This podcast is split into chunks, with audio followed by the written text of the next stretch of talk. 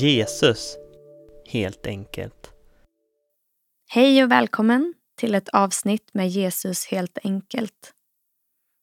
Sanna heter jag som pratar och under det här avsnittet så kommer jag att samtala med en ny gäst. För er som inte har hört på ett avsnitt tidigare så är jag bosatt i Örnsköldsvik där jag bor tillsammans med min man och två barn. Ehm, Ja, uppenbart är ju att jag gillar att samtala med andra människor om, om deras tro och deras vandring tillsammans med Gud. Men eh, jag tycker också om musik och dans och att röra på kroppen och träna. Umgås med vänner. Ja. Men eh, nu ska vi köra igång med nästa avsnitt. Varsågoda. Välkommen hit. Tack så mycket. Du får börja med att göra en presentation av dig själv. Okej. Okay. Ja, Anita Risberg heter jag och eh, bor i Ås i Örnsköldsvik men är född och uppvuxen i Norrbotten, i Norrfjärden utanför Piteå. Och eh, jag skulle vilja säga att jag först och främst eh, eh, så tillhör jag Jesus. Mm. Och sen är jag Anders fru. Mm. Och sen så är jag eh, mamma till fem underbara barn. Och, eh, men sen så har jag jobbat med hälsa stora delar av mitt liv. Eh, när jag var yngre så hade jag joggingskolor för hundratalet kvinnor i Lindesberg. Jag startade mamma babygymnastik som första kvinna i landet och jobbade då på friskvårdscentralen. Och sen var jag hemma 12 år med våra barn. Och, eh, men hade när jag var 14 år en dröm om att bli fysiolog. För jag och pappa läste så här eh, träningsböcker i fysiologi och så föddes en tanke på att bli fysiolog. Så när min tyska lärarinna frågade mig Anita, vad, vad tänker du bli när du blir stor? Då är jag 14 år. Vi var ute på promenad och jag och mamma mötte henne. Då sa jag, ja men jag vill bli fysiolog. Men det skulle komma att ta ett antal år innan jag blev det.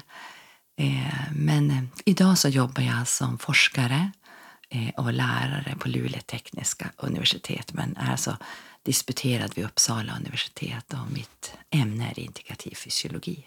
Hur länge har du känt Jesus? Ja, faktiskt är det så här att eh, mamma och pappa flyttade till Norrfjärden då och granne med mamma och pappa så bodde tant Göta. Mm. Och, och, mamma och pappa har väl en så här traditionell tro på på Jesus eh, som de flesta svenskar. Mm. Men tant Göta var varmt troende. Och när jag var två år så började hon ta med mig på söndagsskolan. Mm. Så då promenerade vi, det var bara några hundra meter bort. Då, då hämtade hon mig och så fick jag gå med. Och när min bror var ungefär i samma ålder så fick han följa med. Eh, så sen gick jag i söndagsskola nästan varje söndag till jag var 14 år.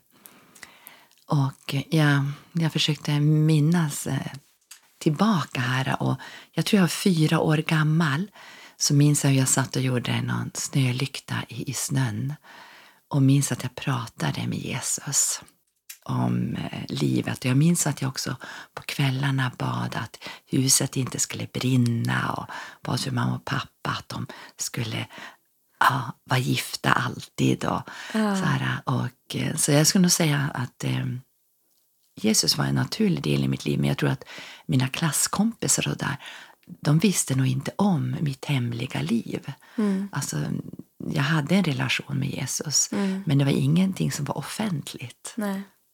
Är det vid något tillfälle där du på något sätt offentliggjorde det eller bestämde liksom att ja, men, nu vill jag inte bara att det är för mig och mig själv utan det, att det också får synas för, för andra? Jo, alltså det blev också så här när jag kom i 14-årsåldern så jag höll på väldigt mycket med eh, tävlade i skidor och löpning och det tog mycket, började ta mycket tid i mitt liv. Mm. Så då blev det och så dessutom en ganska en konfirmation som inte var så bra mm. i Svenska kyrkan. Eh, där jag fick in andra tankar om Gud som jag inte hade haft tidigare. Mm. Så man kan säga som att jag gick borta från Jesus i några år. Mm. Som att jag ja, det, bara, det fanns någonting som kom mellan mig och honom. Mm.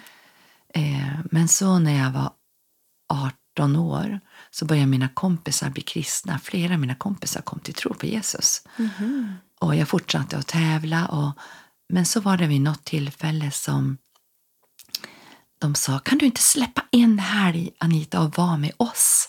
Kan inte du alltså, vara med oss på midsommar? Mm. I alla fall en enda helg på, på året. Och jag, jag sa, ja men jag blir med er. Så jag ställde in en tävling som jag skulle vara i Järvsö och springa. Ja, där väldigt många friidrottare i Sverige möttes och så här.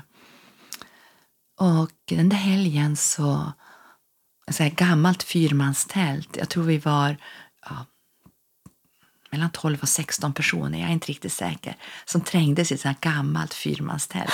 Vi var ute och paddla och så bara riggade de upp det här tältet så vi skulle kunna spela. De skulle kunna spela och lovsång och så sjöng de om Jesus. Och, och jag låg där i en kompis knä och jag bara jag såg jättestöddig ut tror jag, alltså inför andra. Men i mitt hjärta så tänkte jag så här, oj, de har någonting som jag inte har just nu. Ja. Och så började då en fundering och redan den natten, midsommar, eh, aftonens natt där, eh, så eh, alla tält, när vi låg och sov då, så låg vi några tjejer i ett tält och andra i andra tält. Så började jag ställa frågor till en av mina kompisar. Och så svarade hon ganska bra, men kanske inte tillräckligt. Och en av killarna som låg i tält, i tält utanför hörde hela konversationen. Han låg och bad. Och så kanske fyra, fem på morgonen då kände han att han skulle ta en paddeltur. Så knackade han på på tältduken och sa han, Anita, du vaken? Ja, sa jag det, ja. ja. Kan vi fara och paddla ihop? Och då svarade han, då sa han, jag hörde att du hade frågor igår. Och eh, jag skulle nog säga så här och så här. Och då började jag verkligen på allvar börja söka Herren. Jag hade en brottningskamp tre månader med Gud den sommaren. Men sen då i september, när jag var 18 år, då, så tog jag emot Jesus på Storstrand i, i Piteå. Och alltså, jag har aldrig ångrat det. Alltså, det var varit så häftigt. Men sen också de här fyra åren när jag inte gick med Gud så kunde jag uppleva att jag hade änglar bredvid mig när andra kompisar kanske drack och hamnade i saker som inte var så bra så kunde jag uppleva att jag hade beskydd. För tant Göta bad för mig.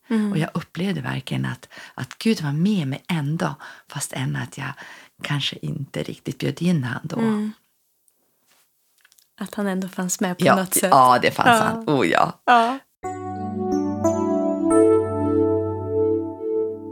Vem är Jesus för dig då? Hur skulle du beskriva honom? Oj, ja, han är stor, han är mäktig, han är underbar, han är kärlek och han är frid.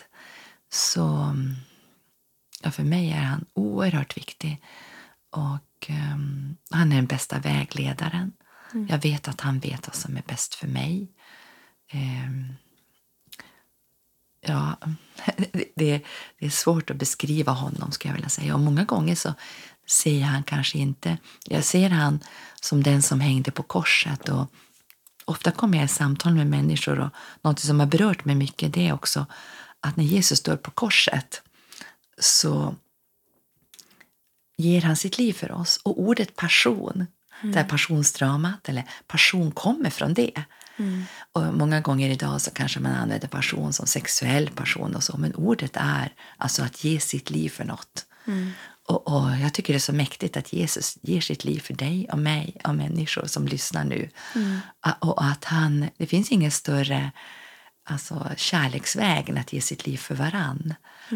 Eh, Så, och jag tänker också att han säger så här att vi kan älska för att han först har älskat oss. Vi kan ha kärlek för att han först, eller att han har gett sin kärlek till oss. Och jag önskar som att fler skulle förstå det. Men eh, han ger mig också frid. Det står i ordet att han ger den frid som inte världen ger. Och den, den tror jag, jag önskar jag kunde förmedla det, att vi skulle kunna förmedla det till fler människor. Men han är, jag tänker också, ofta säger han annars som den han är på tronen. Alltså med glödande malm, fötter och, och, och ögon som eldslågor. Alltså det majestätiska eh, uppståndne Jesus. Eh, ja, och att när jag ber till honom så tänker jag också att han vet vad som är bäst för mig, min familj. Han omsorg om oss, han har omsorg om vårt land. Mm. Alltså, han, är inte någon svag och...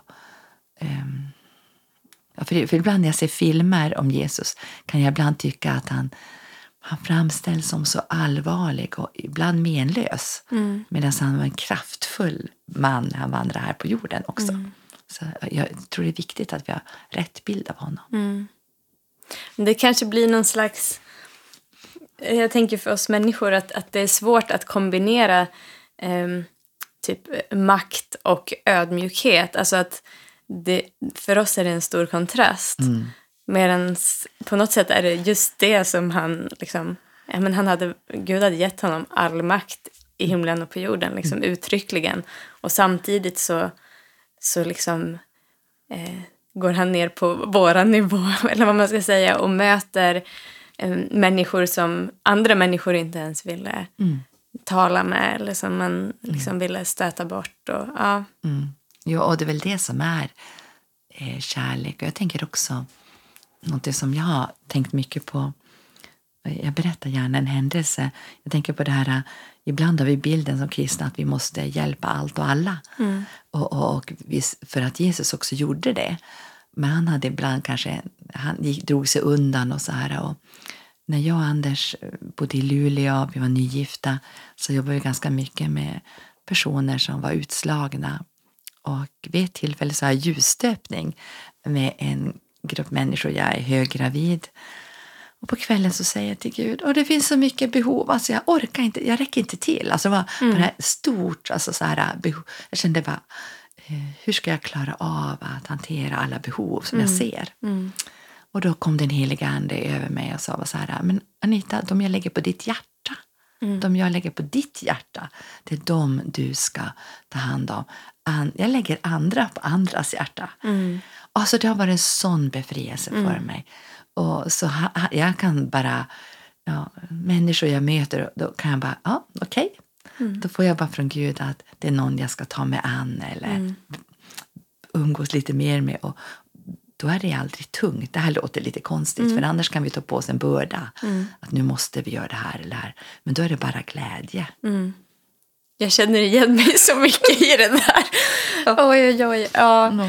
Nej, Men för det, och så är det ju. Det finns ju enormt stora behov. Ja. Eh, det, det brukar jag ibland tänka på så här, ja, men hur många olika välgörenhetsorganisationer det finns. Och liksom, ja, men på ett sätt skulle man ju vilja stötta alla, för alla har ju liksom kanske ett, ett viktigt mål eller sådär. Men att det går ju inte.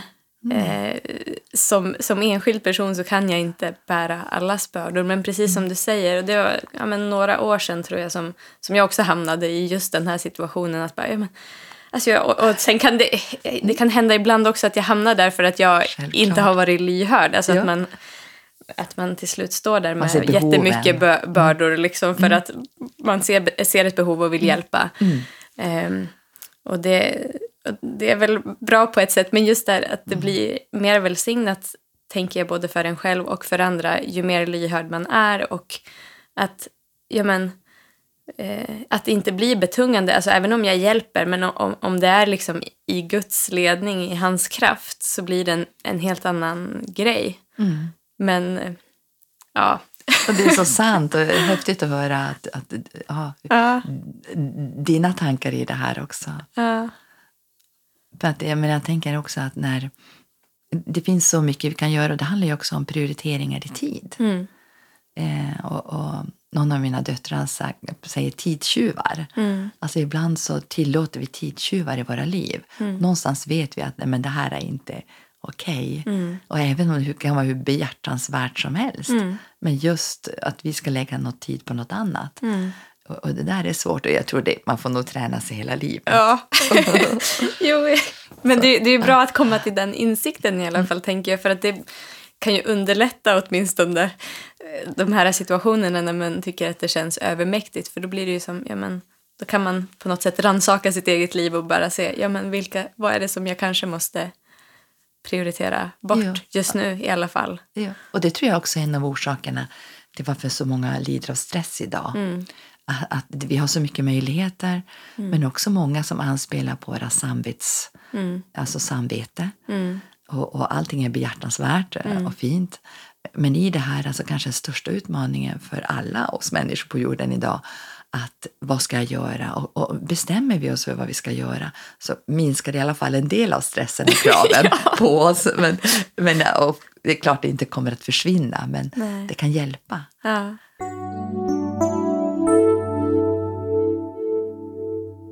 Vad innebär det för dig att leva med Jesus i vardagen? Eh, hur, hur ser din vardag ut med Jesus eller hur påverkar det? Ja, alltså egentligen så börjar det på morgonen medan jag fortfarande ligger i sängen. Då brukar jag och Anders ofta börja be för dagen, be för barnen, tacka för den nya dag vi får. Så jag skulle nog säga så här att eh, vad jag än gör så är han med hela tiden. Och står jag inför något tuffare som när jag höll på med doktorsavhandlingen, ganska mycket, då var jag ganska mycket i Eskilstuna på sjukhuset där och jobbade. Då fanns det vissa dagar som jag bara läste bara psalm 121 när jag vaknade och bara började med det. Så att, och jag, jag går nog och småpratar med den heliga Ande, och, Jesus, hela dagarna. Så, så fort jag har en paus, eller, och så ber jag också ganska mycket i tungor. Så, ehm, men det, det ser ju ingen, eller det syns inte. Och ibland när jag går in på en lektion, inte alltid, men så kan jag be för studenterna. Och, ehm, så att jag skulle nog säga att han är med mig från morgon till kväll. Och jag pratar med honom om bekymmer, om glädjeämnen. Ehm, väldigt mycket överlåtelse. Så, och men sen är det också genom ordet, eller vad jag lyssnar på. Jag försöker vara ganska noga med vad jag tar in. Eh, så jag har som ett yttre filter. För jag tänker att allt som vi ser, hör, eh, ja, även luktar och smakar och sådär och, och gör. Men, men allt vi, vi ser och hör, det påverkar oss. Och det är jag väldigt medveten om. Så därför så tycker jag inte om att se vissa filmer eller jag, jag undviker det för jag vill som jag vill kunna ha frid med Jesus. Så om jag någon gång skulle se någonting som jag mår dåligt av Alltså, då måste jag skölja bort det sen. Det här låter jätte, alltså, märkligt kanske, men då måste jag på något vis ja, ehm, prata med Jesus om det. Förlåt att jag lät det här komma in i mitt liv nu. Och, och, men det kan ju vara också att man låter oro komma in. Och, och säga, förlåt att jag inte litar på dig. För jag tror också det här med tillit är någonting som vi hela livet kommer att få träna oss i också. Så det kan ju vara att man i en situation som dyker upp inte känner tillit till honom. Och då säger ja, men ändå säga jag vill lita på dig i det här. Det kan vara ekonomiskt, det kan vara ehm, ja, men man känner att man kanske har en stor arbetsbörda och man tänker ja, hur ska jag klara av det här. Men att bjuda in han i det, jag tror att det är det bästa vi kan göra.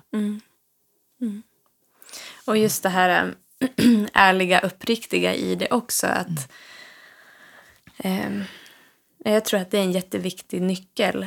Ehm, ä- eller som, som jag också liksom har jobbat med nu de senaste åren. Att eh, på något sätt, ja, men till exempel det här med tillit. Och att ehm, om jag vill lita på Gud men faktiskt inte gör det så kan jag inte säga till honom att jag litar på dig.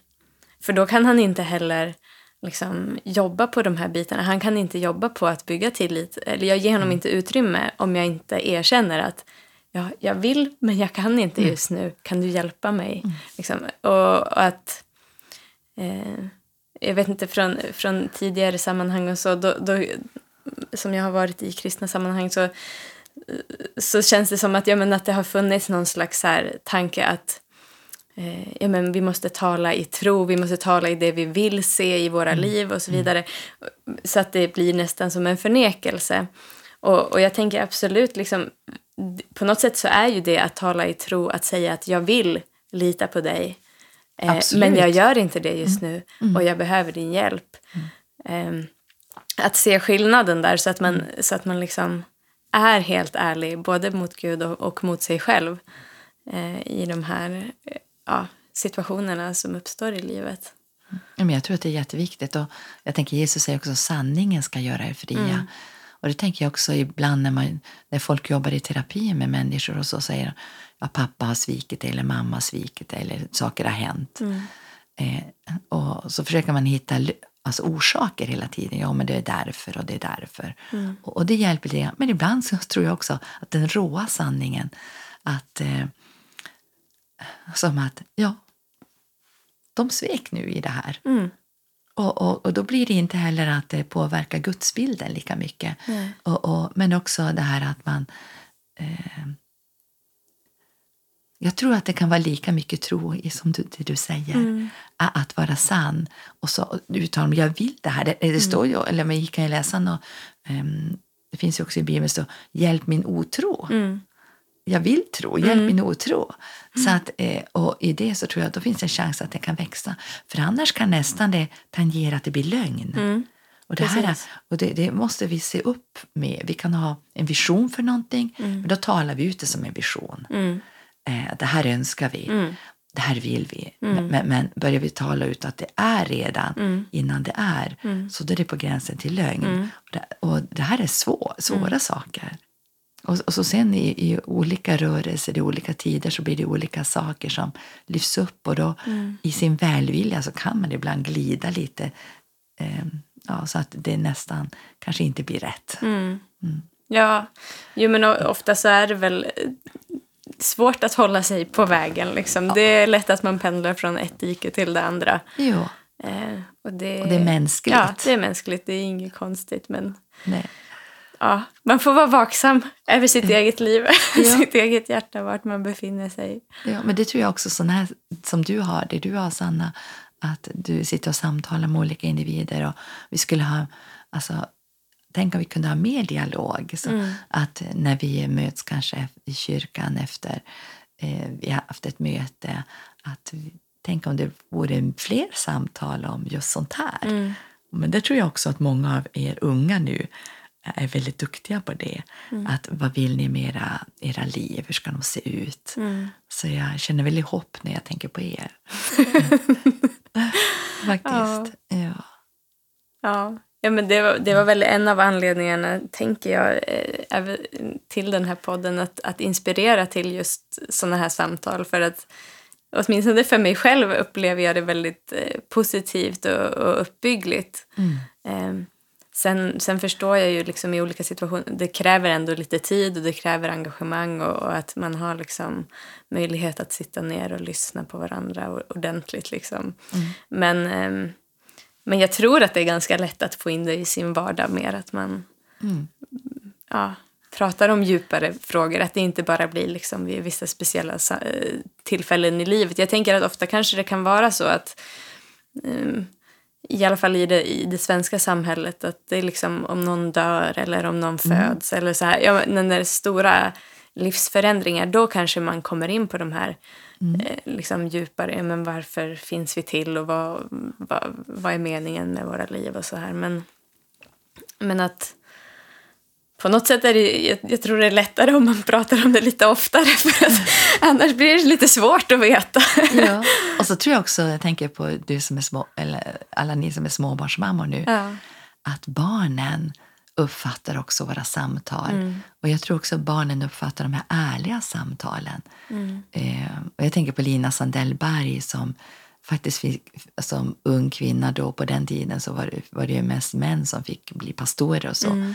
Men hon, hon satt med sin pappa för att hon var ganska sjuk. Så var hon med dem och, och fick en utbildning. Alltså om, för de pratade så mycket om hur de skulle uppfatta ordet och pratade om ordet. Och ju mer vi eh, kanske delar livet och tron så f- uppfattar barn, de kan leka med lego. Men så hör de de här samtalen. Det tror jag också är av betydelse. Vad, vad, vad fyller vi våra hem med? Vad fyller vi våra kyrkor med? Vad är det, vad är det vi eh, pratar om? Och jag tänker det hjärtat är fullt av, det talar munnen. Så är hjärtat fyllt av, alltså upptagna av att eh, lära känna Gud. Och då tänker jag, för några år sedan var det faktiskt så att de gjorde en undersökning i hela Sverige och så var människor ja- helst ville. Och västernorrlänningarna, då hade, de hade som nummer ett att, att, att få möta Gud. Jaha, Och, och så det är så här, men det, det, jag tror att det är sex, sju år sedan den där undersökningen var. oj. Så det, jag tror att det finns hos betydligt fler än vi tänker. Nu som vi, som vi är inne på det här med att prata om Jesus, brukar du prata om Jesus med människor du möter? Både de som kanske har en tro och de som inte har en tro. Jo, men det gör jag, men inte alltid. Nej. Nej, utan jag, jag brukar som höra den heliga Andes röst. Mm. Och, och eh, så han kan säga till mig ibland eh, kör eller alltså jag kan få tankar eller ord. Mm. Och, och ibland så upplever jag att jag inte ska säga någonting. Mm. Och det här är, för ibland kan man känna sig dålig också därför att man inte säger något. Men jag tror att det är viktigt att vi är lyhörda Mm. och att vi, att vi ser människan. Och... Men det finns några tillfällen under lektioner som jag haft när jag fått frågor från studenter om min tro Mm. Eh, eller som är kopplat till tro när jag bara upplevt den heliga ande säga kör. Ja. Ja, så att, så att, det- och, och, ehm, och ibland kan man bara känna sig tom och som jag borde kanske säga något, så här, men, men man upplever bara hindrad. Mm. Så att, ehm, men man vill ju, alltså har man någon kär, alltså alla som är kär i någon, Mm. de vill ju berätta. Så, och så här var det faktiskt i förra veckan så var det en tjej som kom till oss, hon har precis blivit ihop med en kille. Hon bara bubblade, hon var så kär, hon bara pratade om honom och ville berätta för oss om det här. Och då tänker jag, det är väl så egentligen som man önskar i sitt eget liv att det ska vara, att vi är så kär i Jesus att det bubblar över. Eh, så att man, eh, och inte för att pracka på folk något, men bara för att eh, för det tror jag människor känner. Jag är så glad! Fattar Ja. ni hur bra Jesus är och Ja. han bryr sig om dig? Så den approachen som... Ja. Sen också tänker jag ibland det här med barnen också. Hur förmedlar man tro till barnen? Och, ehm, för och det har jag tänkt på ganska många gånger och jag och min man har pratat om det. Jag tror ibland också när vi lever och rör oss och är till så är det så att ibland tror jag att vi tänker att barnen förstår kan läsa våra tankar. För vi är, så, vi är så medvetna om vår egen tro, så vi, men vi har det i oss. Men hur vi förmedlar den eh, jag tror att ibland tänker vi att barnen är en förlängning av oss. Men, men många gånger så måste vi prata om, prata om vad vi tänker. Eh, och, och inte ta för givet att de ska veta vad vi tänker och tycker och tror. Så, så där tror jag att vi behöver bli medvetna om att det handlar om att förmedla också med de som är nära.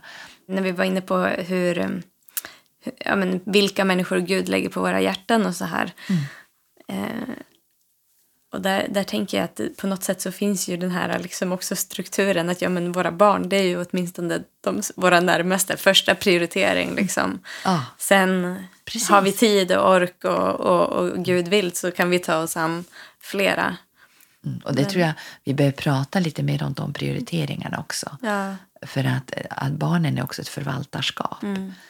Och jag minns när vi, vi bodde i, i, mitt i Sverige en period och när vi flyttade dit så eh, blev jag som rädd att saker skulle gå sönder. Så jag pratade med Gud och sa att nu hinner jag bara be för familjen. Det känns inget bra. Jag hinner bara be för familjen. Och då fick jag bara det här tilltalet. att, Men det är din primära uppgift. Så bara slappna av. Ungefär så. Och, och jag tror att vi behöver börja prata mer om prioriteringar. Så, för det är så lätt att vi får dåligt samvete. Att vi känner oss dåliga. Eh, samtidigt som vi kanske gör så mycket.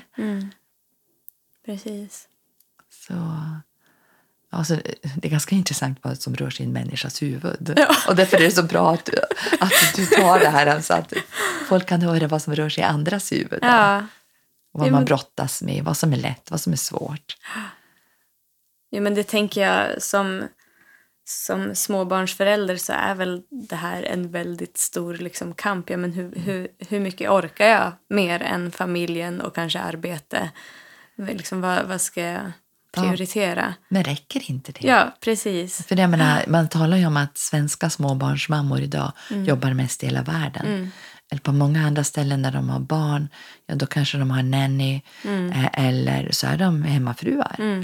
Eh, Men i Sverige så ska man klara av att göra allt. Plus att jag tror att det kan vara ganska krävande ibland krav också, omedvetna krav från församling. För vi lär oss ju att vi ska älska och tjäna och tjäna. Alltså, och, och, och jag menar, det är jättefint att man vill det och många unga ger ju sitt liv för församlingen också. Men, men det är viktigt att prioritera familjen Mm. för att det finns en ordning. Alltså, först älska Gud av hela vårt hjärta Mm. men sen ta hand om familjen och klara av. Och I det ligger ju också försörjning. Mm. Och så sen kommer församlingen. Så, att, och, och, em, så det finns en prioriteringsordning. Sen kan ju församlingslivet spilla över så det inspirerar. Mm. Men det är en annan sak. Men jag tycker ju att småbarnsföräldrar skulle alltså, verkligen ha sabbatstid. Alltså man kan komma, vara och mer att andra ska eh, tjäna dem. Och så sen att man, det ska vara så öppet som man, när man känner att man vill betjäna så är dörren öppen. Så vi, och det tänker jag också, något annat som jag har tänkt på, det är när man är eh, nygift. Mm. Då var det ju så att i Gamla Testamentets tid om man var soldat och var nygift, då fick man vara hemma ett helt Ja, år. precis. Och då tänker jag också att om vi säger att vi har unga människor som kanske verkligen eh, försöker att leva rätt, som vi ser ur ett kristet perspektiv, att kanske vara mycket med varandra men kanske att man inte förenas sexuellt förrän man gift sig. Så jag tänker som att egentligen skulle de nygifta få hänge sig första tiden. Alltså i det där uh, bara se varann och inte uppleva att de har så mycket förpliktelser. Så det här är också något jag skulle vilja föra upp i samtal i kyrkorna. Så att, eh, och givetvis ger kyrkan inspiration när man vill träffa vänner och så. Men någonstans där få veta att nu får ni ta tid med varandra. Alltså, eh, vi förväntar oss inte att tid, ni lär känna varandra. Eh, ni kan vara busiga, ni kan alltså, verkligen hänge er passionerat. Jag tror till och med att det skulle, en sån bra start skulle också förhindra problem senare. Ja, jag menar att få lägga en, en god, ordentlig grund. liksom. lära känna varandra Ja. verkligen. Så, att, så det finns en del saker så där som jag tror vi ska bara, bara för ett samtal om det. Mm. För ibland blir det ju mönster om man är i en idrottsförening eller man är i en församling eller man är i olika politiska sammanhang så finns det som strukturer och mönster, Mm. massa förväntan. Men ibland kanske vi ska, och inte minst nu tänker jag på församling, att, att våga lyfta de här sakerna, prata om dem. Mm. Eh, det kanske bara behövs tre månader av hängiven passion och bara se varann. Eh, men det viktiga är att på något vis att man inte blir bekymrad, nu har de inte varit här på ett tag. Och, Utan tänker, ja, men, och gläds att de har tar tid med varann. Ja, De kanske är ute i skogen och ja, friluftsar nu eller och har bara stannat hemma och njutit av varandra. Alltså, Ja. sånt. Och, och samtidigt om man inte orkar gå iväg eh, till kyrkan eh, en söndag. Och, och det har jag funderat mycket på. Eh, har vi rätt struktur i kyrkorna när det gäller tider? Jag vet ju att den församling du tillhör, ni har ofta på kvällarna, vilket jag tror är en väldigt fin modell. Jag tänker själv när fredagskvällen kommer eller lördagskvällen, tänk att börja med att vara tillsammans och lovsjunga. Och, och, men sen då kanske att man har söndagen fri för familjen. Så vi kanske i den här pressade tiden behöver tänka lite mer, hur ska det se ut? Mm. Och att, ja, men kanske, ja, det kan ju vara fint att på lördag kväll träffa släkt och vänner och Mm. kanske umgås. Men man kan ju också äta måltid tillsammans i kyrkan och, Mm. och där umgås. Så att, eh, jag vet inte, hur tänker du själv? Och nu ställer jag en fråga till Ja. dig, du som småbarnsmamma, om det. Ja, nej, ja, det, det, jag vet inte hur mycket jag har reflekterat kring det, men, men det var intressanta tankar tycker jag. Och eh, ja, nej men för, för jag upplever i alla fall, för mig är det väl, har, har det varit väldigt, men väldigt bra just det här att ha en hel, en hel söndag bara ledig. Mm. Ehm, sen, ehm, ja, för på något sätt man... Och, eller jag brukar försöka att, nu jobbar jag ju ibland vissa helger och så här då, men att jag har en dag i veckan eh, där jag är ledig och där jag helst inte bokar in någonting alltså annat så här som jag tycker är kul, alltså att träffa folk eller så, utan att den får bara vara helt ledig. Sen om, om Så vi klokt. liksom som familj eh, känner för att ja, men nu vill vi höra med de här den dagen om att ses, men att inte planera in i förväg. Eh, ja, men skapa lite så här andrum bara. Att, ja, för, för, ja, det, och särskilt nu sen vi, liksom vår dotter började skolan och hon måste gå varje dag så har det inte varit tidigare. Men då blir det ju så här, ja men det är ju verkligen bara helgen som finns för återhämtning. Vi kan inte säga på en onsdag, nu är du hemma och så bara tar vi det lugnt idag. Nej. Eh, och då, det är väldigt få dagar att Ja. spela på. Och då kräver lite mer planering. Ja. Ja. Men du verkar så medveten. Fantastiskt, jag är imponerad.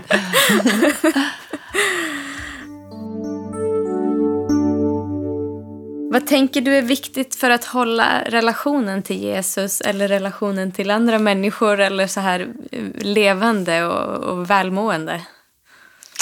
Ja. Nej, men det är väl som med alla relationer att man behöver ta tid för varann. Mm. Eh, och där har, en del har ju kärleksspråket också, att man ger tid. Mm. Men, men jag tror att... Eh, och jag tror också när man är äldre så kan man också lära känna folk om man ger mycket tid i en relation. Är det jag brukar säga, att man får bara bekanta när man blir äldre. Eh, och när man är yngre så ger man mer tid till relationer och, och då får man vänskap för resten av livet. Men jag skulle vilja säga att vi har ju fått många alltså, vänner för livet i våran ålder. Och jag är 57 år nu. Så jag tror att men det handlar om att ge tid. Eh, och samma sak är det med Jesus. Alltså, jag tror att vi kan lära känna honom mer och mer och mer. Och vi har nyligen varit i USA och eh, bott hos en familj. Då. Jag varit där i forskningen. Då. Men då har vi bott hos en familj som var med i Brownsville-väckelsen, Pensacola-väckelsen. Och Annette då, som jag jobbar med då, som är professor i litteraturvetenskap, hon, eh, hon var med om den här väckelsen och med Guds närvaro. Och, ehm, och det var väldigt starkt under åren. Men hon lever fortfarande i längtan att jag vill vara med om his presence like that again. Alltså jag vill vara med om hans närvaro på det. Och, och, eh, så hon och hennes man tar väldigt mycket tid a- att bara vara själva med Gud också. Eh, och, det tror jag vi kan träna allihopa. Och jag tänker vi i svensk kristenhet också så är vi ganska mycket kollektivt tillsammans. Man pratar mycket om att vi svenskar är så individualistiska. Jag skulle säga att vi är nog mer kollektivistiska med konsensus och allting än man, vi tänker. Och eh, själv har jag, när jag var yngre, nu har jag inte tid på samma sätt, men till exempel när jag skulle veta vem som skulle bli min man, då var jag i fjällen en vecka och åkte skidor och så frågade jag Gud om vem som skulle bli min man. Och jag fick vänta och vänta. Så först på den sjunde dagen fick jag svar från han. Så det var ju också så här, jag tror att vi uthålligt skulle, och, och, och det har betytt jättemycket för mig, den- den, resan. Så när det är viktiga saker, eh, då tar jag ännu mera tid. Men, men det viktiga är ju att umgås med han alltid. Att, och att, han, eh, att eh, vi eh, ställer frågor till honom och så kommer han med frid och ofrid. Och han kan ändra vår vilja också. Men då ska vi ju vara kopplade till honom. Eller som en gren i vinstocken så att vi, vi förstår vi kan höra.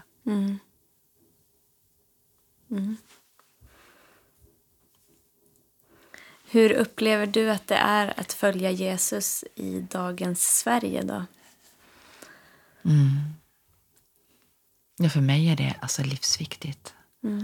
Ehm, det kanske alltså det har alltid varit viktigt för mig. Men eh, det är ganska mycket kamp på gott och ont i, vårt land idag. Ehm, så jag, och jag tror att Sverige behöver Jesus också. Eh, men det är en smal åsiktskorridor.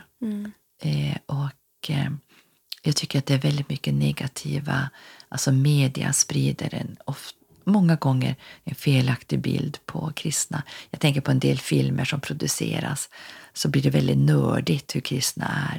Det är inte alls rätt framställt. Man, och nu idag att man talar ganska mycket om en konservativ höger som egentligen inte alls är och när man eh, sätter på, klistrar på folk fascistiska eh, ja, epitet. Eh, och det här är farligt när man börjar göra det. För att när vanlig kristen tro börjar kallas fascism, då är det allvarligt. Mm. Så, så visst är jag bekymrad. Mm.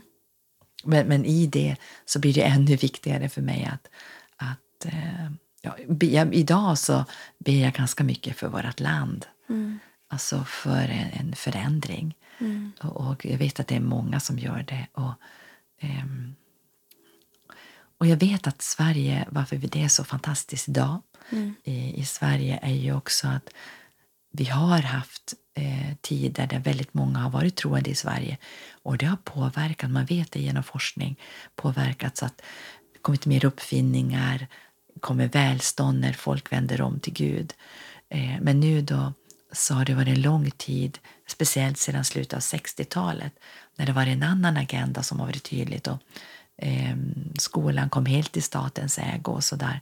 Sen dess har det ju förändrats mycket. Mm. Men jag vet att Derek Prince sa så här att eh, när han var i Sverige på 50-talet så upplevde han att det var ett land och han reste hela jorden runt mm. och talade. Men han upplevde att det fanns en otroligt stark gudomlig atmosfär i Sverige. En gudomlighet som han inte har upplevt på andra platser. Mm. Och då var faktiskt Storfilla i Stockholm den största församlingen i världen. Mm. Så kom han hit i slutet av 60-talet och då sa han så här, han har aldrig sett ett så snabbt förfall i något land. Mm. Så, men då brukar jag tänka så här, har det kunnat vara så en gång? då kan det bli det igen. Mm. För det finns någonting hos svensken som är, handlar om ärlighet. Mm. Det finns något sunt, det finns något sant. Mm. Och, och, och, det är det jag tror ska vara det som kanske appellerar mm. eh, då till svenska folket. Mm. Och, och då, jag tänker också liksom att om det har varit så så måste det kunna bli så igen. Och också om man tänker att det var ett snabbt förfall då, ja. enligt vad han såg, så borde det ju också kunna bli en snabb vändning. Absolut, ja, det kan det. Och jag, jag, jag tror att det finns ganska mycket längtan idag. Jag mm. har också talat med personer som sagt att på grund av att det har blivit så polariserat nu och att kanske många muslimer har kommit in i Sverige så eh, har börjat tänka på vad tror de själva på? Mm som man kanske inte har gjort förut. Mm. Och, och, Det tycker jag också är som, för jag önskar som att alla människor ska reflektera över existentiella frågor. Jag jobbar mm. ju mycket med hälsa och idag så lyfter man ju också in existentiell hälsa. Mm. Så man ser att existentiella frågor är viktiga för att vi ska må bra. Mm. Tidigare var det kanske under 80-talet var det mest kost och motion. Mm. I, i, idag så lyfter vi in både existentiell hälsa, sexuell hälsa. Mm. Och, och, då börjar ju det blir mer en helhet också mm. vad en människa handlar om. Mm.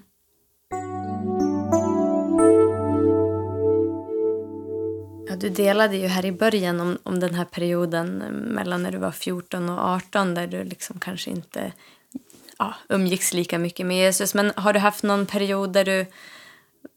Ja, och, ja, du sa ju också att det var tre, tre månaders brottning där. Men jag mm. tänker, är det liksom under livet sen har det varit Eh, konkreta tvivel eller liksom så här, stora kamper kring någonting som har med din tro att göra? Eller har det känts ganska tryggt? alltså, kampen utspelades faktiskt då, det kan jag säga. Mm. Eh, däremot, jag har aldrig blivit besviken på Gud eller Jesus, alltså på det sättet. Eh, eller den helige Ande, fast det är samma person. Mm. Eh, men däremot kan jag, har jag blivit besviken på troende. Mm. Alltså när man ser, och ett allvar ser jag ibland när, när troende kanske bara är det av tradition. Mm. Eh, då, då, så, att, så det har hänt. Mm. Men, in, men jag har faktiskt inte haft någon brottningskamp sen med, med, om min tro. Mm. Eh, utan eh, Alltså, det låter kanske patetiskt, men jag skulle kunna dö för min tro. Ja. Alltså, så, så, så viktig är Jesus för mig. Mm. Så, så att jag skulle... Och jag tänker också, han säger så här, om vi skäms för honom så skäms han för oss. Mm. Och det där är ett ord mig. Jag vill inte att han ska skämmas för mig. Nej. Alltså det, jag vill verkligen att stå upp och försvara honom om det behövs. Ja. Så, um, ja. Nej, nej, så att, men det är klart att det var jobbigt där den sommaren och när jag brottades som jag verkligen skulle under... För det handlar ju om underordna sig också mm. Gud. För min brottningskamp handlade faktiskt då om du ska inga andra gudar ha jämte Mm. mig. Alltså att han var så, att han var egoistisk tänkte jag. Mm. Men sen förstår jag ju att det bästa för mig är att gå med honom, för han vet mitt bästa. Mm. Men, så ibland kan det komma in som tankebyggnader i oss Mm. som hindrar oss från att bejaka tro. Eller hindrar, gör oss, alltså vi får tankebyggnader som låser oss. Mm. Och den var den låsen jag hade till den bröts. Då. Mm. Och förstod att, och jag vet ju att det var därför jag också tog tid och frågade Gud om vem som skulle bli min man. För jag visste att han visste, visste mycket bättre än jag. Och, och, och det handlar om tillitsfråga, men, men som vi har pratat om Mm. tidigare, du och jag också, så tillit är ju någonting som kan komma och gå. Mm.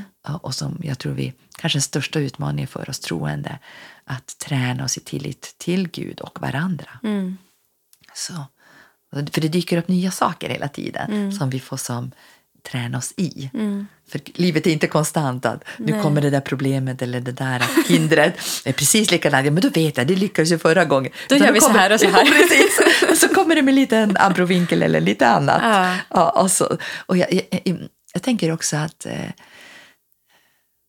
Ja, att ehm, det är på något vis att vi ska trimmas också. Mm. Så, eh, jag, jag tror inte att... Jag vet att Gud tillåter prövningar Mm. i våra liv. Men det är lite grann för att... Och prövningar kan ju ses som... Om vi tränar fysiskt så blir vi starkare. Mm. Och, och prövningar kan också vara så att vi blir starkare i vår tro. Mm. Om vi består provet. Mm. Så ja. Ja, men jag brukar tänka just så här, överföra det till en, den, det fysiologiska på något vis när jag pratar med människor. Nu kanske inte alla har jättekoll på det, men liksom en muskel, om man tränar en muskel så bryts den ju ner av träning. Ja, alltså, den precis. blir svagare eller den blir liksom förstörd Ja, ja. på något sätt. Men sen eh, när, när man då ger vila och återhämtning så, så växer den upp och blir starkare. Precis. Och det, ja, det är så fascinerande för, att, för det är det jag tänker ofta i, i, liksom, i mitt liv i alla fall när jag möter prövningar och svårigheter. Alltså det är ju så jobbigt. När man är i det så vill man ju inte ens vara där. Eh, alltså kännas vid den här svagheten, den här sårbarheten. Det här. Eh, men samtidigt på något sätt ju... Ja, jag kanske tänker ju längre tiden går så ser man kanske det här mönstret också att ja, det är inte lika farligt. För att eh, av det så blir vi starkare eller liksom vi växer som människor och ja. Men det tänker jag också som vi tänker, idag är det ganska stor mental ohälsa i vårt land. Så jag bara spårade in i en association och jag tänker, det- man pratar ganska mycket om curlingföräldrar idag.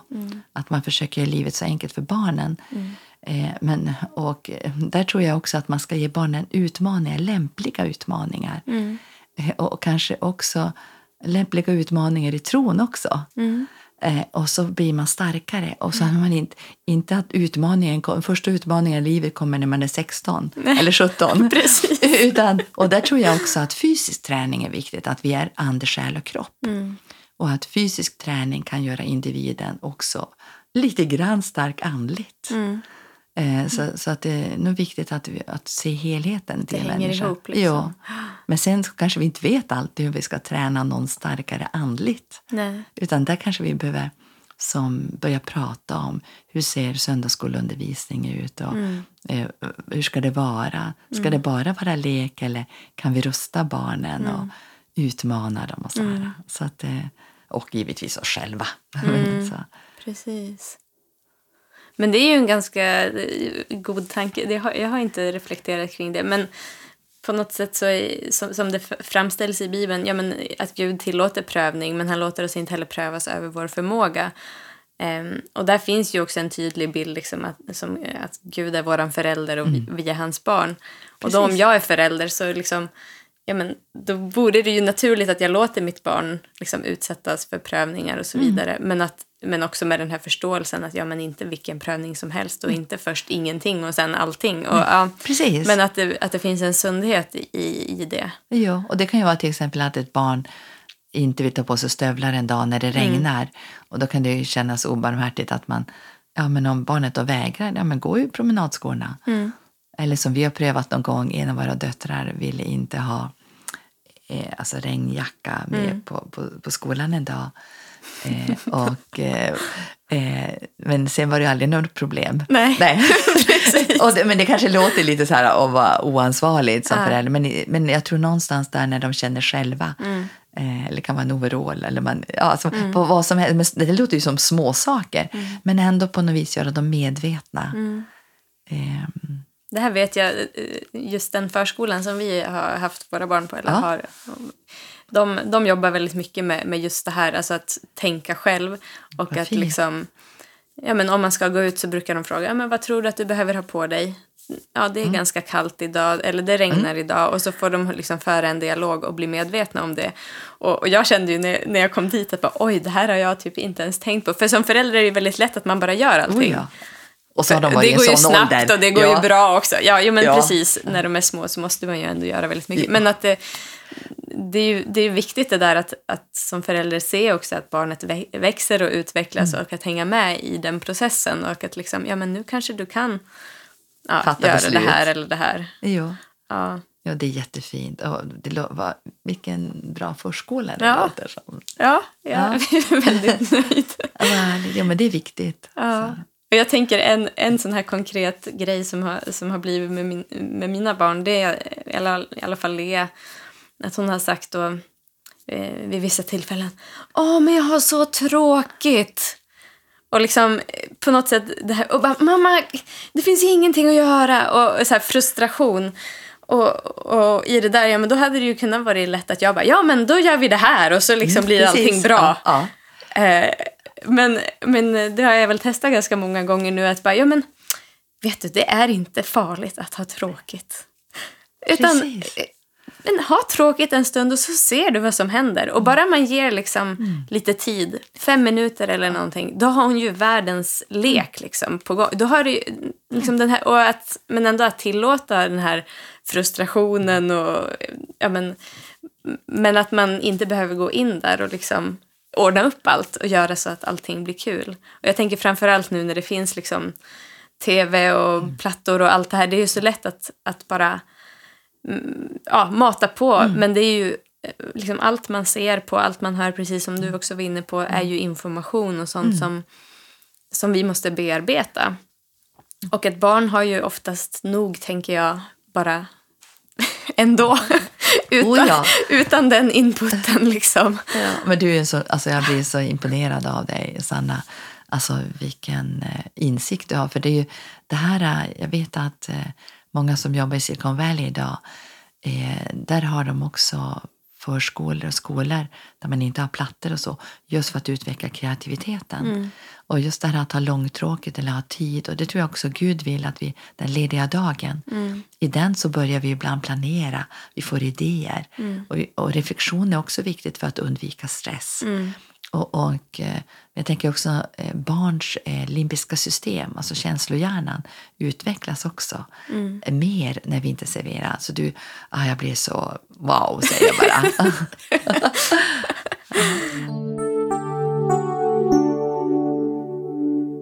Vill du dela någonting, något vittnesbörd från ditt liv eller från någon som, liksom något du har varit med om som du blir påminn om just nu? Jo, men jag tänker, det är väl det här med tro. Och eh, det var, jag och Anders eh, följdes. Och jag, skulle, jag, hade, jag jobbade med väldigt många, jag hade 20 gymnastikgrupper i veckan, vattengympa och annat. Jag jobbade som hälsoupplysare, friskvårdsledare åt Norrbottens läns landsting. Så jag hade fått knutar på stämbandet, för det var innan Friskis och Svettis tid med att man hade headset och, och sådär. Och, så jag pratade och hela tiden under passen och råkade då få en massa knutar på stämbanden. Och eh, skulle opereras. Jag hade varit uppe på regionsjukhuset i Boden och eh, allting var förberett för operation. De hade eh, fotat ner i halsen och så här. Och sen har jag fått sjukskrivningstid och tid för operation. Men innan så får jag förbi Anders. Han hade håltimme från universitetet. Så vi, gick ner på knä vid hans säng och så bara bad han för min hals och mina stämband. Och så åkte jag iväg till sjukhuset och så skulle de förbereda operation. Men innan så kontrollerar läkaren då allting för att förbereda. Så tittar han i journalen. Han tittade i mina, alltså han tittar i halsen igen. Tittar i journalen och så tittar han på mig och säger Anita, tror du på mirakel? Han sa, ja, det vill jag gärna göra. Jag vet att det finns inte ett spår av knutar på dina stämband. Och sa han, nu, nu ska du vara sjukskriven i två veckor. Och vet du att jag har fått ett återbud hos en logoped, eh, alltså så här kurs. Mm. Vad säger du om att gå eh, och, och träna din röst i två veckor? Så då fick jag det. Och, alltså, men jag tänker att, att till dig som lyssnar också att det sker helande idag.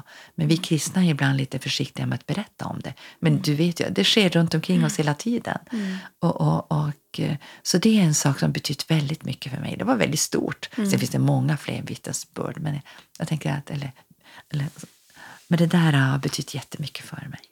Och jag tycker det, så, det var så intressant. Du har ju berättat det här för mig Mm, förut. Men nu, nu i, i de tankarna som jag var i nu så kom jag att tänka på just... Jag har pratat med några tidigare, om det var förra veckan, just kring helande lite grann och så här att... Mm. Ja, men för det var någon som, som har upplevt ett helande liksom helt smärtfri. Mm. Eh, men sen efter någon vecka så återkom problemet igen. Just det. Smärtan eh, var tillbaka. Ja. Och så blir det ju någon slags tvivel. Ja men gud, var det inte du? Men, Och liksom var, i omsorgs eh, liksom, fråga, bara, bryr du dig inte nu då om mig? Eller liksom Ja. så här. Men att där också, och det tänker jag, det var så välsignat att du fick Ja, men för du hade ju ändå haft det här problemet. Ja. Det, det fanns ju en orsak till den här liksom, problematiken. Oh ja. Och sen hade Gud helat dig. Men då fick du också möjlighet till att liksom, ja, men göra någonting åt det som skulle kunna orsaka det här igen. Precis. Att, ehm, och- det tänker jag, det kanske är någonting som, som vi skulle behöva bli mer ve- medvetna om. Att ja, men om någon blir helad, eh, att kanske ändå fråga sig, ja, men, finns det någon risk att det här kommer tillbaka? Finns det några förändringar vi behöver jobba på liksom, för, för att Att förhindra? och- För att stärka Ja, upp. Eller, ja. liksom, ehm, för jag menar, Gud kan ju, han kan ju göra vad som helst när som helst, men han Jo. vill ju också eh, ja, men ha den här relationen och det här Mm. liksom processa saker tillsammans. Att vi ska lära oss kanske någonting eh, av det hela. Ja. Ja, men- och det här är, jag tror att vara så ärlig också att säga att folk blir helade och ibland går det tillbaka och en del blir inte helade. Alltså det finns väldigt mycket frågor kring helanden. Jag fick ett sms igår av en ung väninna. Hennes systers barn föddes med ett hjärtfel. I, inte så allvarligt hjärtfel, lite ringare. Nu var de där på tre månaders kontroll och det fanns inte spår av något. Så då, sa, då hade läkaren sagt att vi hade misstagit oss. Ja, men jag tror att en del av det där som man inte kan förklara är ju också helanden. Eller när saker går bra. Man vet ju också att när man har studerat och faktiskt forskat på det och sett att om folk ber för någon som är sjuk så blir de frisk fortare efter operationer och sådär. Och jag tror att vi skulle behöva ta plats kanske lite grann och göra lite mer och visa. Och ja, när vi hör, det finns en del pastorer som ber för helande av, de har tro för helande av hörsel. Och så de är, då ber de för det och så blir folk helade i hörseln, men inte annat. Mm. Så, så det finns något mystiskt med det här med tro för. Mm. Och, och, och tron kommer av predikan och så tron kommer av det vi hör. Mm. Så jag tror att det är också viktigt att vi delar med oss, även om det inte alltid är fullkomliga helande. Men att vi inte kommer in med, vill inte du Gud, för han vill helande. U- Utan att det handlar mer om incitament, det handlar om många faktorer. Och beroende, som du säger, vad det är kopplat till. Mm. Precis. För vi gör ju en del saker. Jag menar, sov, om vi säger att jag skulle slarva och jag skulle bara sova fyra timmar per natt. Ja, men då kan jag ju bli sjuk. Mm. Och om jag blir helad på något vis då, om jag skulle få sömnsvårigheter, då blir jag helad från det. Men fortsätter att leva så, det är klart, då kommer det att finnas kvar. Ja, och det tror jag vi måste börja tänka mer på konsekvens, tänk också som vuxna då, när det gäller helanden och så. Mm. Vad skulle du vilja dela som, som du känner att det här har Gud lagt speciellt liksom, som ligger på ditt hjärta? Just nu är det, är det ganska många olika saker, men jag tror det är en gemensam koppling. Och redan som ung så upplevde jag just det här med bildning. Alltså det jag har på mitt hjärta eh, och har haft hela mitt liv. Och, och, och därför tog jag inte ut en läkarexamen heller, alltså började jobba som läkare, utan många inom grundforskning i fysiologi och så, eh, då, då tar man inte ut, man går inte AT-tjänst. Men jag har en examen i, i Master of, of Medical Science. Men jag har eh, känt att min uppgift är att utbilda. att tala om saker för jag är så fascinerad över hur kroppen fungerar. Och, och där är bland annat är det ju kvinnohälsa. Mm. Alltså hur kvinnokroppen fungerar. Och det är en del av min forskning också. Mm. Eh, att eh, visa på att kvinnokroppen är så fantastiskt gjord. Och, och vi har olika fysiologiska tillstånd, Mm. faktiskt i olika, åldrar. Men sen det andra är familjer. Alltså hur kan man få barn, vuxna att må bra? Och de här går egentligen ihop Mm. också. Eh, och, och i det finns också lärande. Så jag har tagit fram en pedagogisk modell som heter core-pedagogik då, som handlar om en helhetssyn då på lärande. Mm. Där man tar in fysisk aktivitet, man tar in eh, kreativitet och relationer. Och så kopplar man det då till, till teoretisk kunskap. Så, att, så att det- det är som... på något vis ska jag vilja att hela människan mådde bra, men också då andligt till ande, själ och kropp. Så det blir väldigt komplext. Mm. Eh, Så, så det är väl det jag har på mitt hjärta. Så när jag inte jobbar på universitetet så jobbar jag med utveckling av de här frågorna. Men det tar ju lite tid när man inte har så mycket tid över. Ja. Ja.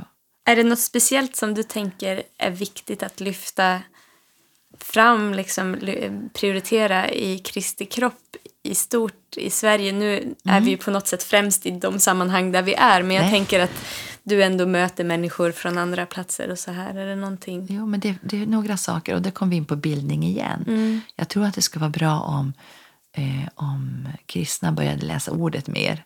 Mm. Eh, och jag, jag ser framför mig och hoppas att folk eh, som säger sig ha en kristen tro kanske tar reda lite grann på den värdegrund de står på. Eh, kanske läser Nya testamentet. Eller, jag är också invald i, i styrelsen för Skandinavisk teologisk högskola vilket är ett mirakel för mig att jag kan vara med där. Eh, men eh, där jobbar man ju mycket nu med utbildning på biblisk grund. För det finns ju många bibelutbildningar eller kurser. Men det har kommit in ganska mycket strömningar som inte kopplar till Bibeln. Så, så då tänker jag att kristenheten skulle nog behöva lite mera alltså, utbildning. Eh, men sen också att lära känna Gud själv. Jag tänker som Friskis och Svettis, det är ju fantastiskt. Dit går folk för att träna tillsammans. För det är lättare för många att träna tillsammans. Och det har vi i kyrkorna, vi ber tillsammans. Men kanske, och då tror jag en del som går på Friskis och Svettis kanske sen tyckte det så roligt så de började träna själva. Och då tänker jag att vi kanske skulle ha i våra kyrkor lite mera träningsläger, förstå mig rätt här nu. Att man tränar kanske folk att vara ensamma med Gud, inte bara en minut. Utan man kanske har lovsång, instrumentellt och så skapar man utrymme för folk att vara själva med Gud, men tillsammans med andra. Så blir det. Mm. Ehm, och det finns väldigt mycket som är bra i svensk kristenhet idag. Men, men det är saker vi behöver våga se över. Mm. Och det handlar inte om, om grunden i tron. Den är densamma. Men kanske uttrycken. Och jag, jag tänker också att vi i... Jag tror det kommer en tid när vi kanske ska... Kyrkorna ska... Kanske finns det någon eh, kristen massör så att man kanske har lovsångsmusik och så för att varva ner så får man massage eller, eller man, i kyrkan finns det möjlighet att gå och samtala med någon i själavårdsfrågor. Eh, kanske att det är kyrkor där man äter mer måltider tillsammans. Alltså vi, att vi, vad, vad behöver en människa idag? Kanske också föreläsningar som appellerar till de som kanske inte delar vår tro. Men som vi, det kan vara om barnuppfostran, om par. För vi har, alltså, Bibeln och, och den kristna tron och uttryck för den har så mycket att bidra med. Så jag tror att vi skulle också kunna bidra till vårt samhälle. Och om vi, det låter kanske konstigt, tog plats, men, men alltså eh, vågade ta plats. Eh, och då, då kanske vi får en släng av fascism på oss och så. Men, det, men, men, men att det, eller, eller Det kanske man får ta då. Ja, precis, lite, lite mer mod hos oss kristna att, att våga stå upp för det som egentligen är väldigt, väldigt sunt. Mm. Är det någon eller några personer som du vill lyfta upp som har fått betyda särskilt mycket? Nu var ju den här kvinnan som du nämnde i Ja. början. Precis. Ja, sen är det faktiskt min man. Ja. Alltså, jag, han var det första som jag hörde profetera någonsin när jag var på ett möte. Det var full kyrka, EFS i Piteå. Och det första som jag hörde alltså profetera eh, högt. Och, eh, men då vågade jag inte fr gå fram till han Nej. den gången. För jag tyckte att oj, oj, oj. Upplevde han så helig då. Och så där. Så jag såg väldigt mycket upp till honom. Han har lärt mig så mycket. Eh, han hade varit kristen hela sitt liv och jag hade varit kristen några år när vi träffades. Jag hade varit kristen tre år. Eh, och eh, han har undervisat mig om så mycket och jag, verkligen, jag har fått sitta vid hans fötter också. Och, eh, jag minns när vi var nygifta och var i Lindesberg och vi var på så här pastorsparsdagar. Mm. Och jag minns, jag har kvar i Bibeln fortfarande mm, det jag skrev då. För då var det så fjärran att det skulle kunna ske. Men då bad jag till Gud att, att jag skulle få predika eller undervisa tillsammans med Anders någon gång i framtiden.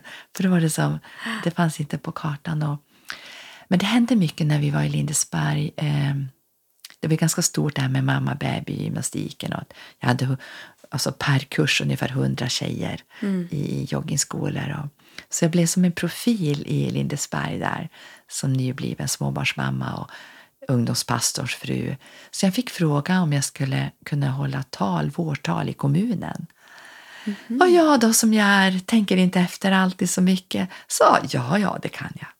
hade ingen aning om att det var 2-3 tusen personer, ibland uppemot 4 tusen, som skulle komma och lyssna. Jag hade aldrig hållit ett tal i hela mitt liv. Och så kom jag hem och så berättade jag för Anders att vet du, jag ska hålla tal eh, på första maj. Så här.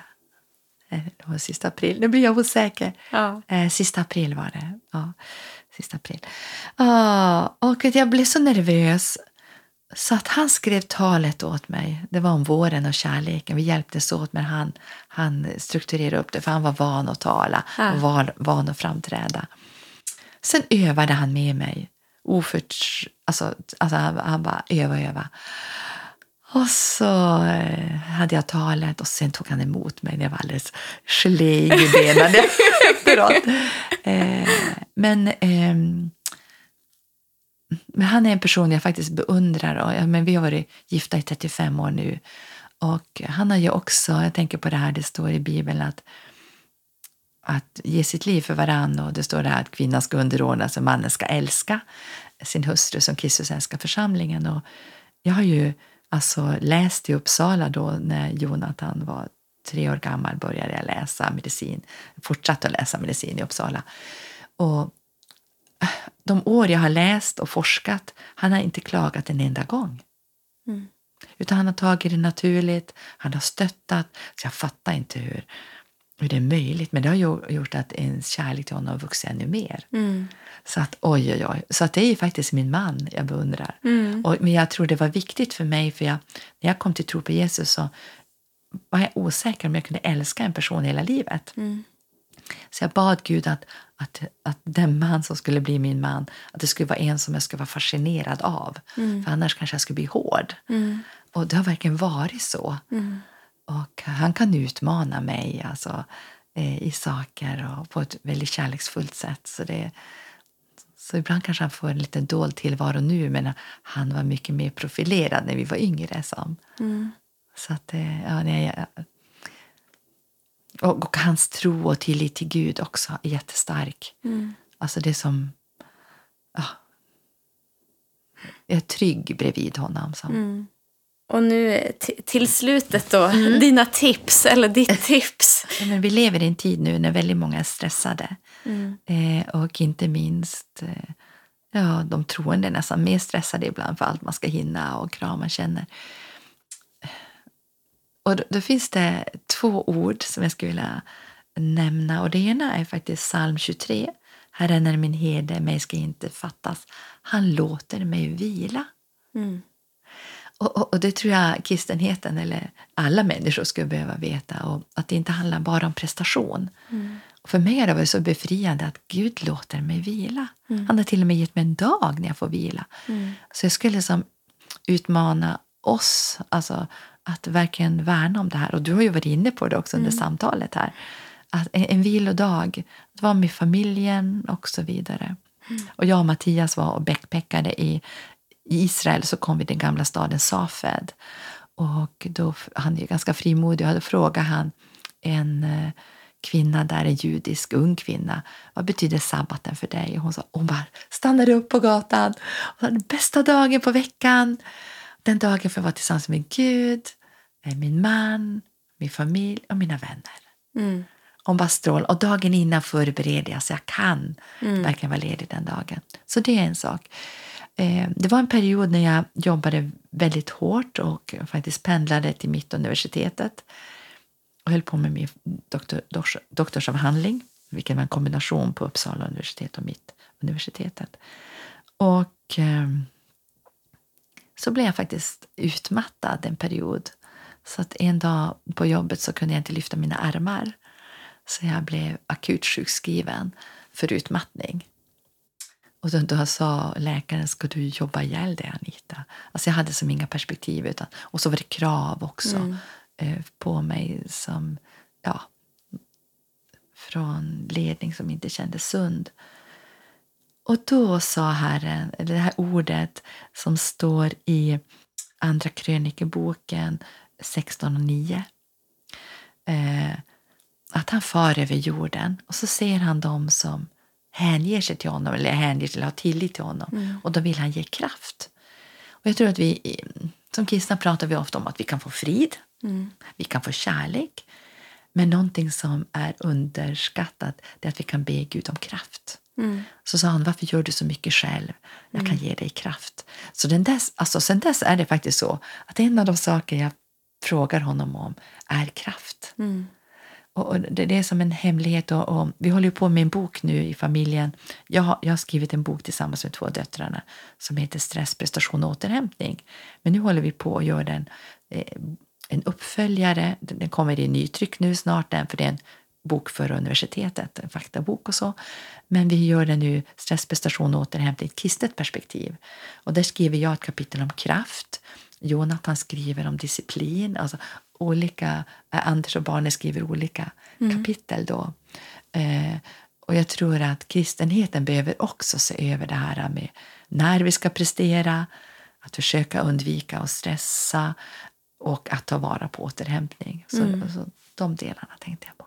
Men tack så jättemycket för den här stunden. Mm, tack så mycket för att jag fick komma hit. Det var en förmån.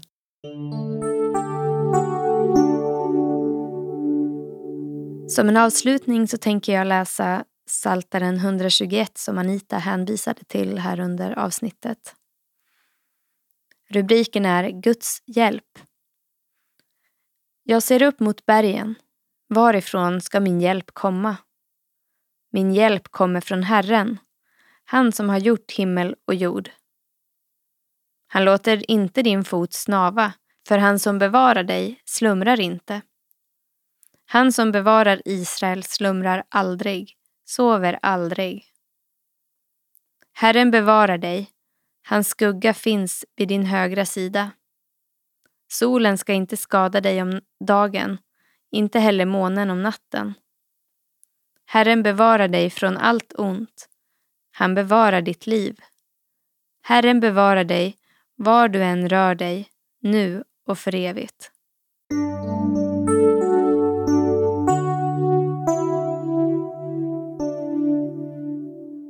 Producerad av AN Ton